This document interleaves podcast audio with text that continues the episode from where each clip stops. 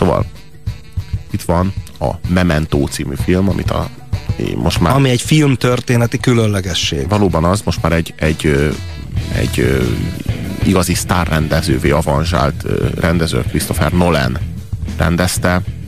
Ezzel írta be magát a filmtörténetbe, ezzel a filmmel. Igen, ezt lehet mondani, hogy, hogy ezzel a filmmel alaposan be, beleírta magát a filmtörténetbe. Mi benne a különlegesség?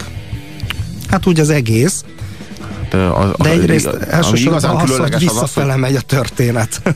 olyan, egy olyan történetet kell keresztül sugároznia a filmvásznon a rendezőnek, amely történet Leonard Shelbyről szól, akit Guy Pearce játszik a filmben, akinek a rövid távú memóriája az egy baleset révén. Egy baleset, Pontosabban egy bűncselekmény révén.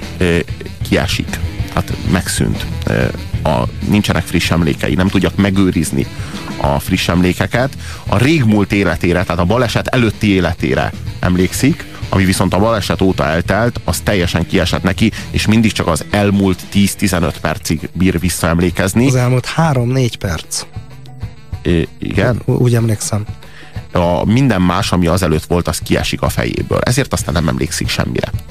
A rendező pedig nem elégszik meg azzal, hogy egy ilyen embernek a történetét elmeséli nekünk, hanem tovább megy ennél, és belehelyez minket ennek az embernek a fejébe. Ezt hogyan? Hogy lehet képes egy rendező arra, hogy belehelyezzen minket egy ennyire beteg embernek a fejébe, és hogy olyan módon éljük át ennek az embernek a történetét, amilyen módon azt ő maga átéli.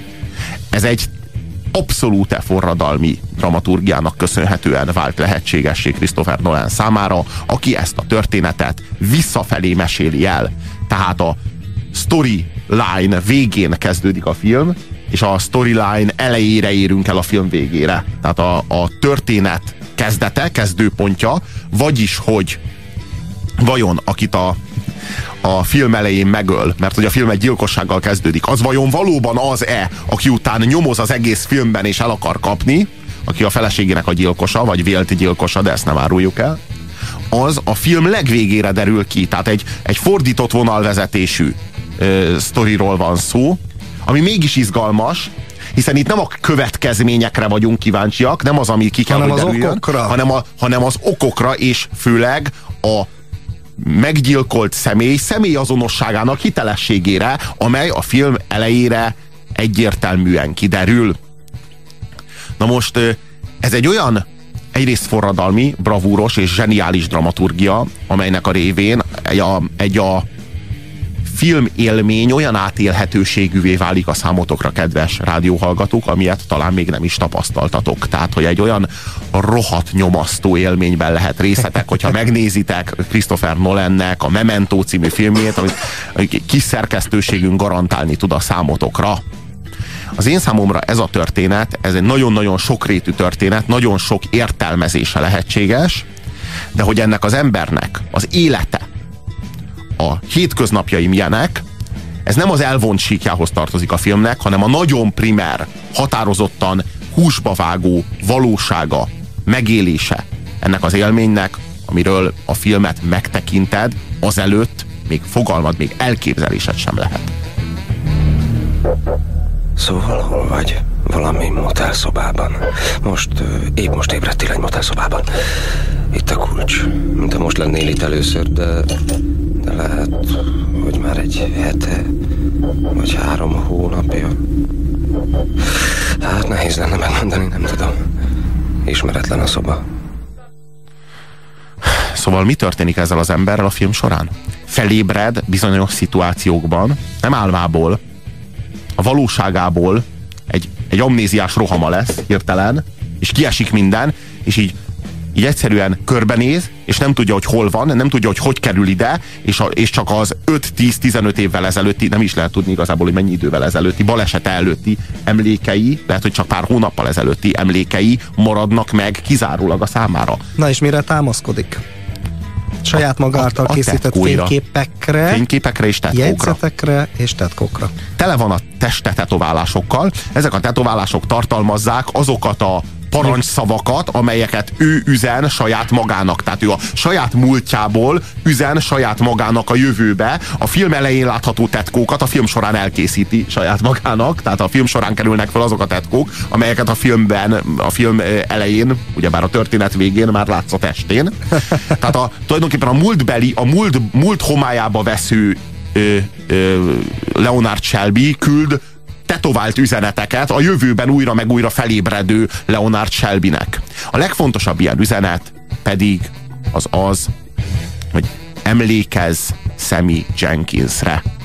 Sammy Jenkins ugyanis az ősbűne Leonard Shelbynek. Sammy Jenkins az, aki iránt Leonard Shelby a legnagyobb bűnt elkövette életében, és Sammy Jenkins a Leonard Shelby saját mentális mitológiájának a kulcsfigurája. Tehát, hogy Leonard Shelby kis saját vallásának Sammy Jenkins áll a középpontjában.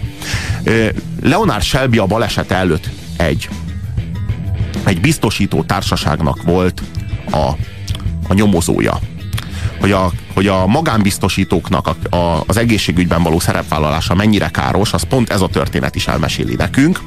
Leonard Shelby ugyanis ennek a bizonyos Sammy Jenkinsnek, akiknek határozottan hasonló betegsége volt, mint amit később Leonard Shelby is kap, kételkedett a valódi betegségében. Kételkedett abban, hogy ez a bizonyos Sammy Jenkins, ez valóban beteg. Ő azt gondolta, hogy csak egyszerűen betegbiztosítási csalást akar elkövetni, és olyan mértékű ö, ö, ö, kétsége volt neki ezzel kapcsolatban, hogy magában Sammy Jenkins feleségében is felébresztette a gyanút, és ez a gyanú, ez egy katasztrófához vezet majd Sammy és felesége ö, ö, közt. Tehát az ebben a családban. És aztán... És ő neki hatalmas bűntudata van emiatt, és megvan győz, és mivel Sammy Jenkinsre, mivel a baleset előtt történt eset, pontosan emlékszik. Igen, de nem tudom, neked lejött-e, Robi, hogy Sammy Jenkins valahol az ő saját lényének a szimbólumává vált a filmben. Igen, igen, igen, akinek nem hisz senki. Mert de hogy ő, maga, maga, ő maga nem hitt, Sammy Jenkins. Igen, de hát ő volt az, aki nem hitt annak idején Sammy Jenkinsnek, így aztán nem csoda, ha ma, ne, ma senki nem hisz neki. Ő átélte mind a két oldalát ennek a játéknak, és hogy ez az egész állapot, ez az egész helyzet miért tört rá, ez az ő tudatában nagyon erőteljesen, nagyon határozottan kötődik, kötődik Sammy Jenkins személyéhez. Hello. Hello. Mr. Shelby, 304-es. Mit tehetek érted, Leonard? Um, Bert. Bert, lehet, hogy kértem, hogy ne kapcsold be a hívásaimat? Nem tudod? Lehet, hogy kértem. Nem szeretem a telefont. Mondtad, hogy szemtől szemben szeretsz beszélgetni. Igen, igaz. De erre sem emlékszel. Hát ez van ebben az állapotban. Állapotban? A memóriám. Amnézia? Nem, nem, nem, nem, nem, ez más. Nincs rövid távú memóriám. Tudom, ki vagyok, meg mindent magamról, de a, a sérülésem óta nincs új emlékem. Minden elhomályosul. Ha túl sokáig beszélgetünk, nem tudom, mivel kezdtük. Legközelebb meg már a beszélgetésre sem emlékszem. Még arra se, hogy találkoztunk már. Szóval, ha furcsának látszom, vagy bunkó lennék, ezt már elmondtam, ugye? Igen, és nem akartam kínos helyzetet. De olyan furcsa. Egyáltalán nem emlékszel rám? Nem. Egy csomószor beszélgettünk. Igen, biztos. Mi az utolsó, amire emlékszel? A feleségem. Most hallható műsorunkban a nyugalom megzavarására alkalmas képi és hanghatások lehetnek. Hogyha tapasztaltátok már a kiszolgáltatottságnak a ti számotokra már elviselhetetlen fokát, akkor még mindig fogalmatok nincs arról, amit Leonard Shelby megél. Hogy a, a kiszolgáltatottságnak olyan egy, egy non plus ultrája az ami, az, ami akkor történik veled, amikor nem tudod, hogy az illető, akivel éppen beszélsz, azt valaha láttad-e már egyáltalán, beszéltél-e már vele, jó akarod lehető neked, vagy rossz akarod, mondtad-e már neki azt, amit most éppen mondasz, tudja a nevedet, vagy az is lehet, hogy az illető az már réges-régóta ismer, hogy ez kicsoda, hogy mit tud rólad, és te mit tudtál róla, mielőtt elfelejtetted, és hogy, hogy, hogy, hogy van-e vele dolgod, vagy féljél tőle, vagy bízzál benne, vagy ne, és kizárólag polaroid fotók és a polaroid fotókra filctollal fölírt üzenetek, amiket saját magadnak hagytál, emlékeztetnek téged arra, hogy ki is lehet ez az illető. Ez a film a Memento, a az a bizonyos színes amerikai krimi, ami 110 perces és 2000-ben rendezte Christopher Nolan, és az a Guy Pearce játsza a főszerepet, aki egyébként soha sehol nem kapta meg a lehetőséget Hollywoodban, és ez az egyetlen olyan film, úgy gondolom, amiben ilyen nagyon komoly szerepet kapott, és szerintem kiválóan hozza. Így van. Egyébként ahányszor ilyen filmeket látok, főleg a memóriának a zavarairól szóló ilyen horror sztorikat, nekem mindig eszembe jut, hogy mi van, hogyha a, a valóság ilyen. Most az a poén az egészben, hogy például egyes buddhista iskolák, azok úgy tartották, hogy tulajdonképpen milyen elemekből, méghozzá tudati elemekből összeálló sorozatok vagyunk. Tehát az előző pillanatbeli önmagam nem azonos a mostani pillanatbeli önmagammal, és mire ennek a mondatnak a végére érek, mert megint egy más Farkas Attila Márton fogja itt osztani az észt. Na most, hogyha ez így van, és ilyen filmkockákhoz hasonló sorozatokból áll össze egy személyiség, akkor tulajdonképpen a memóriánk az téves memória. Ezt egyébként a kognitív tudományok is kezdik kapizsgálni. El is nevezték Stalin és Orwelli emlékezésnek, a téves emlékezés két fajtáját. Csak az a különbség az egyik között, hogy az egyiknél tudod, hogy tévesen emlékszel, csak a környezetednek a ráhatása miatt emlékszel tévesen. Ugye ez lenne a Staliné, a koncepciós perek után nevezték el az Orwelli pedig, amikor abszolút meg vagy bizonyosodva, hogy az így és így volt, hogy a csaj mondjuk rózsaszín kabát volt és szőke volt, közben pedig, mit tudom én, vörös hajú volt és fekete kabát volt rajta. És ennek kapcsán egyébként mondok egy kísérletet, amit szociológusok végeztek, vagy bocsánat, szociálpszichológusok.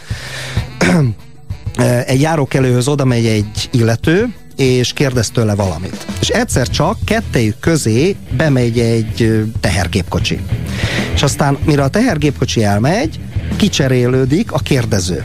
De, de, de, de nagyon durván, tehát nem arról van szó, hogy mondjuk mit tudom én, ki, egy, egy 50 éves szemüveges ember után egy másik 50 éves szemüveges ember, hanem mondjuk egy 50 éves szemüveges férfi után jön egy 40 éves nő és az esetek többségében a válaszadó, a megszólított, az utca embere nem vette észre, hogy, hogy ki kérdezte. Szóval nem vette a hátamon futkosott a ideg, amikor ezt a feleségem elmesélte, és miért, ne, és, szociológus. És miért nem vette észre? Azért nem vette észre, mert ő nem egy bizonyos emberrel beszélgetett, hanem egy bizonyos helyzetben volt értelmezve. És a helyzetet nem változtattad meg, csak a másik szemét változtattad meg, és a helyzet az, a helyzet az ugyanaz a helyzet volt, és ő egy helyzetből vezette le magát át. Tehát ő jogfolytonosan abban a helyzetben maradt. Tehát, de, ne, ő... de nem csalóka ez? De nem nagyon. lehet, hogy minden pillanatban tulajdonképpen ilyen helyzetekben vagyunk valaki? Hát Leonard Shelby egészen biztosan, hogy mi az egy jó kérdés, és hogy milyen jó film a Memento az, hogy ilyen következtetésekre enged. Én másfajta, bár hasonló következtetésre jutottam ezzel kapcsolatban, de hasonlóan buddhista. Én úgy gondolom, hogy hogy a Memento az én számomra nagyon nagy részt a reinkarnációról szól. Hát arról szól, hogy ugyebár, ugyebár mit tart a reinkarnáció. Ez nem más tana? következtetés. A reinkarnáció eredet, ugye a buddhizmus az egyetlen olyan vallás, amiben nincs lélek. Sőt, tagadja a, a, a, az állandó lélek létét. Na most a reinkarnáció ott azt jelenti, hogy, hogy pillanatról pillanatra öröklődsz át. De nem csak ezt jelenti a reinkarnáció, a reinkarnáció eredetileg azt jelenti, hogy az újabb és újabb életek, azok váltják egymást, és hogy egy, egy bizonyos karma vezeti át a lelket az egyik életből a másikba. És hogy Leonard Shelbyvel is valami hasonló történik, csak ebben az életben, tehát valójában mi is Leonard Shelby vagyunk. Itt felébredünk egy életben, körülnézünk, és fogalmunk sincsen, hogy hogy kerültünk ide. Mit keresünk itt? Aztán meghalunk, mint ahogy ő is elveszíti az emlékezetét, fölébredünk egy újabb életben, egy újabb szituációban, és megint nem értjük, nem találjuk, hogy hol a helyünk, és nem tudjuk, hogy hova kell eljutnunk, mert az életeink közötti emlékezetünk elveszett. Ezért aztán a karmánkra csak következtethetünk, és vakon tapogatózunk és nyom nyomozunk az iránt, hogy vajon mivé kéne válnunk, hogy az előző és következő életünk között egy fejlődési utat le tudjunk írni.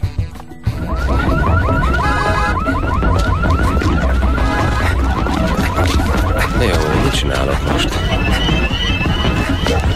Á, azt a pasit kerget. Nem.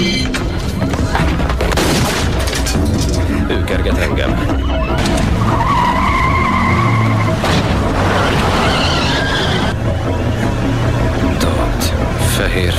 Férfi Mount Crest Inn 5. utca. Elkaplak teszelházig. Mennyire végtelenül sötét humora van ennek a filmnek amikor el, üldözőbe vesz egy csávót, mert arra ébred, hogy rohan az utcán, és hát talán kergetem őt, akkor megpróbálom elkapni. Aztán kiderül, hogy az illetőnek fegyvere van és rálő, és már érti is, hogy hoppá nem, ő kerget engem, és már menekül. De ez van velünk nap, mint nap. Ez történik velünk, és ez történik Csináltak velünk. olyan kísérletet is, hogy két-három ember elkezdett szaladni az utcán, és 10 perc múlva 500-an rohantak végig, úgyhogy... Bizony, van- bizony van ilyen. De a Profi című filmben van az, hogy a, hogy a, a Belmondó az elkezdi, elkezdi, elkezdi őt üldözni, az az ellenséges zsaru, és a, a üldözéses, az üldözési jelenet az átfordul egy bizonyos ponton, amikor már a belmondó üldözi a zsaru. Tehát, hogy így, valahogy, a, valahogy a dominanciák, azok így, így billegnek, mint egy kis libikókán lennének. Szóval Christopher Nolan brilliáns film remekéről Aki volt szó. egyébként úgy tudjuk brit. Na hát csak, hogy egy példát mondjunk, hogy nem itt amerikai a film? Hát persze amerikai, hogyha a stúdiót veszük alapul, de hát egy brit rendezőről beszélünk. Szóval Christopher Nolan 110 perces Memento című filmjéről beszéltünk 2000-ből. Ez a film az én tízes skálámon minimum a nyolcas. Nekem 9-es.